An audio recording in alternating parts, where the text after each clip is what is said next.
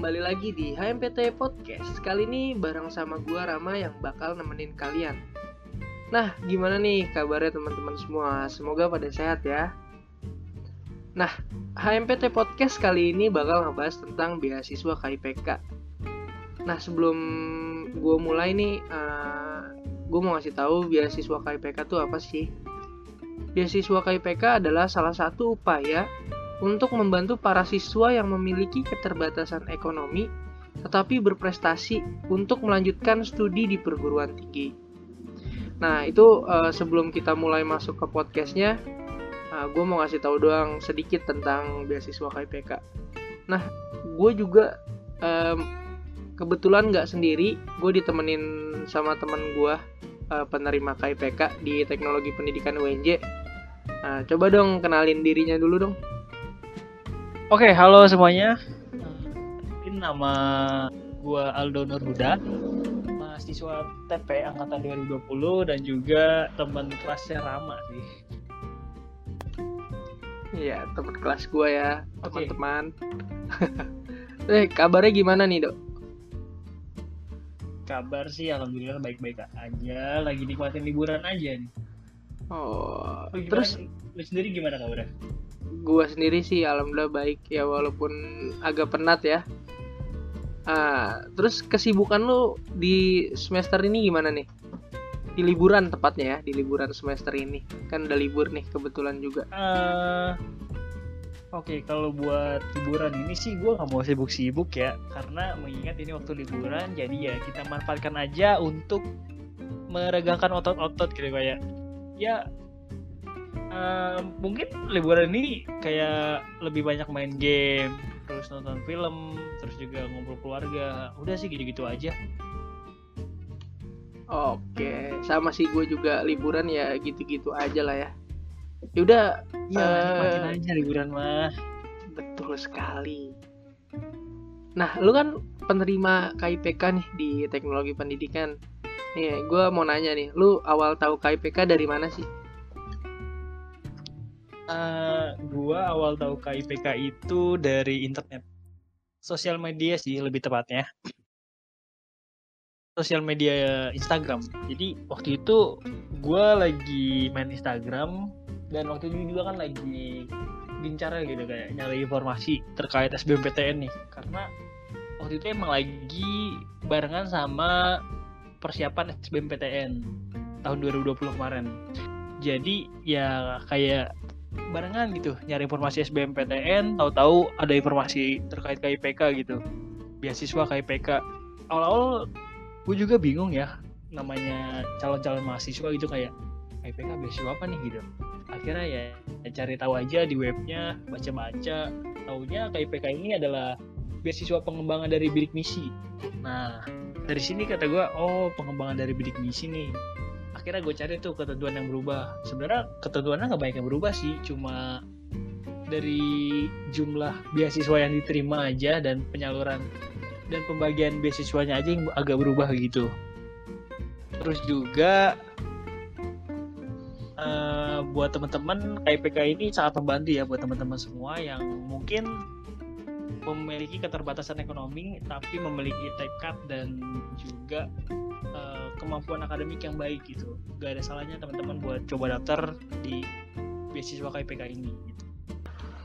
Nah betul banget sih emang KIPK ini uh, perubahan dari bidik misi gitu kan perubahan nama aja sih sebenarnya ya. Nah terus uh, waktu itu uh, persyaratan yang lo tahu waktu itu sebelum daftar tuh apa sih di beasiswa ini? KIPK ini? Buat persyaratan ya, persyaratan buat daftar KIPK itu kemarin jadi yang pertama itu teman-teman adalah siswa SMA yang akan lulus atau baru lulus itu maksimal dua tahun sebelumnya. Jadi buat teman-teman semua yang dua tahun kemarin udah lulus tapi kalian baru masuk di perguruan tinggi negeri atau perguruan tinggi swasta kalian masih bisa buat daftar KIPK-nya terus juga yang kedua itu tentunya teman-teman punya potensi akademik ya.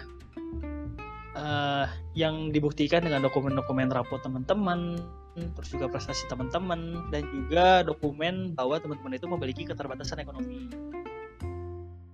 Terus untuk syarat yang ketiga itu teman-teman itu harus lulus seleksi penerimaan mahasiswa baru.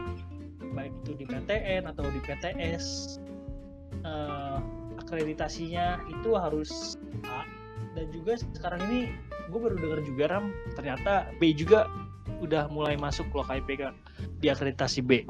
Dan juga buat PTN itu banyak ya teman-teman untuk untuk kuota KIPK-nya sedangkan kalau PTS itu mungkin terbatas dan juga kalau buat di PTS itu setahu gue ya eh, beberapa persyaratannya agak ribet gitu. Oh oke okay, oke. Okay. bukan agak begitu ribet ya. Mas Rama. Kalau di PTS berarti agak ribet ya? Teman gue sih pernah bilang kayaknya juga hmm, agak ribet di PTS oke. Terus uh, waktu itu lu masuk jalurnya jalur apa buat KIPK kan ada tiga jalur tuh. SBM SNM oh, sama iya. mandiri oke oke uh, waktu itu uh, eh, gue sendiri itu daftar waktu jalur SBMPTN. Jadi sebelum kalian semua daftar SBMPTN nih buat teman-teman yang nanti pengen daftar KIPK atau beasiswa lain, terkhusus buat KIPK itu teman-teman pas daftar SBMPTN nih itu juga harus ngisi di kolom bawahnya itu kan ada ya kayak uh, daftar lewat apa gitu. Kalau misalnya teman-teman daftar SBMPTN terus sekaligus daftar beasiswa KIPK nanti untuk biaya SBMPTN-nya itu teman-teman bisa gratis. Tahu gue gitu. Kalau nggak salah gratis ya kalau buat para pendaftar KIPK. Oh, berarti banyak benefitnya ya buat uh, pendaftar uh, eh, SBM atau SNM yang udah daftar buat jadi calon penerima KIPK. Nah, Iya Terus, betul banget banyak banget kok benefitnya.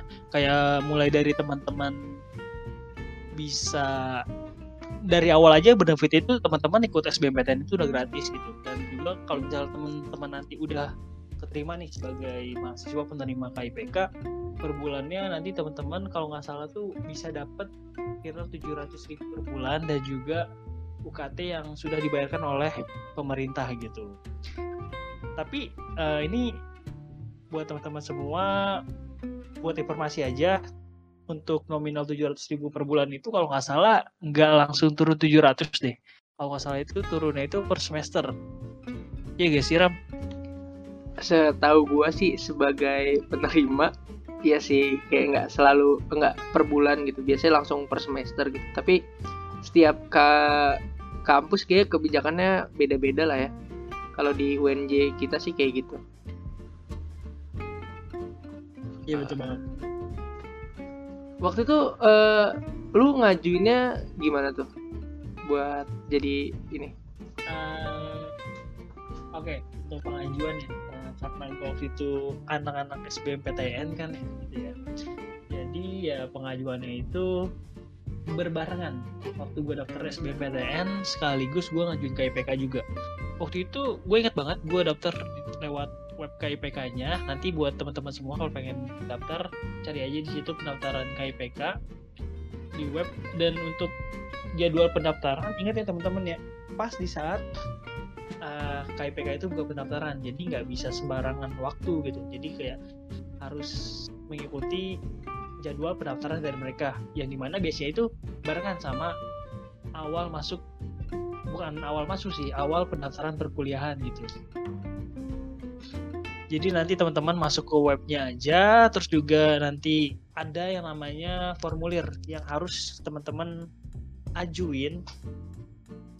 Itu beberapa, beberapa beberapa dokumennya itu kayak misalnya surat keterangan tidak mampu dari kelurahan, terus juga kartu keluarga, KTP orang tua, dan juga beberapa persyaratan lainnya yang nanti bakal ada di webnya yang berupa berupa formulir gitu deh. Nanti teman-teman bisa upload di dalamnya dan juga beberapa foto-foto yang bisa memperkuat dokumen kalian gitu. Betul banget soalnya gue juga kayak gitu walaupun gue agak berbeda dengan lu masuknya. Emang Mas Rama kira-kira kemarin emang jalur apa? Waktu gue sih jalur susulan gitu. Jadi kayak ada sisa kuota dari Universitas Negeri Jakarta gitu, jadi gue daftar. Nah, kayak gitu sih. Nah, terus ke kira-kira berapa lama sih uh, durasi bukan durasi sih uh, jangka waktu beasiswa KIPK ini? Uh, tahu gua untuk KIPK sendiri itu berlaku 8 semester ya. Itu maksimal banget 8 semester. Yang di mana kalau misalnya teman-teman semua lulusnya lebih dari 8 semester ya untuk biaya semester depannya teman-teman bayarkan secara pribadi begitu semoga kita nggak termasuk yang melewati 8 semester ya. Oke betul lah semoga tidak ya. Nah biasanya kalau udah keterima KIPK di kampusnya biasanya syarat atau aturan yang harus dijalanin tuh apa? Nah ini nih. Uh, mungkin sebagian orang berpikir kayak wah lu dapat KIPK nanti ribet banget nih. Apa apa dikepang apa apa harus nurut sama peraturan peraturan sebenarnya aturan dari KIPK itu sendiri bukan hal yang menakutkan sih ataupun hal yang melibatkan gitu ya. Uh, justru uh, dengan aturan KIPK ini kita bisa menjadi ma mahasiswa yang lebih aktif lagi. Contohnya tuh kalau misalnya di WJ uh, buat mahasiswa penerima beasiswa KIPK ini uh, di diwajibkan ya untuk ikut kegiatan forum bidik misi atau FBM yang sering disingkat sama anak-anak mahasiswa itu FBM gitu. Buat dan untuk kegiatan-kegiatan dari FBM itu jujur aja kegiatannya itu nggak boring dan kayak nggak kegiatan yang apaan sih ini kegiatan? Aneh-aneh banget. Nggak. Justru kegiatan itu adalah kegiatan yang emang bisa menstimulus kita sebagai mahasiswa untuk bisa lebih aktif dan juga kenal teman-teman lebih banyak gitu. Bukan dari satu prodi kita doang tapi ya banyak banget gitu karena dari semua prodi di UNJ di kegiatan FBS itu kita jadi satu gitu. Kita saling kenal ya kita juga saling kerjasama gitu buat uh, ngakuin challenge challenge di kegiatan itu. Pokoknya seru banget deh kegiatannya. Wah kayak gitu ya ternyata Kak Aldo. Oh btw udah sampai pertanyaan terakhir tadi ya kalau kayak gitu uh, terima kasih Kak Aldo atas waktunya. Oke, terima kasih juga Rama. Terima kasih. Thank you teman-teman semua yang udah dengerin. Nah, wah terima kasih juga ya Kak Aldo buat waktunya, buat sharing-sharingnya di HPT Podcast kali ini. Mungkin kita udahin dulu episode kali ini. Sampai bertemu di episode selanjutnya. Uh, gua Rama undur diri. Thank you.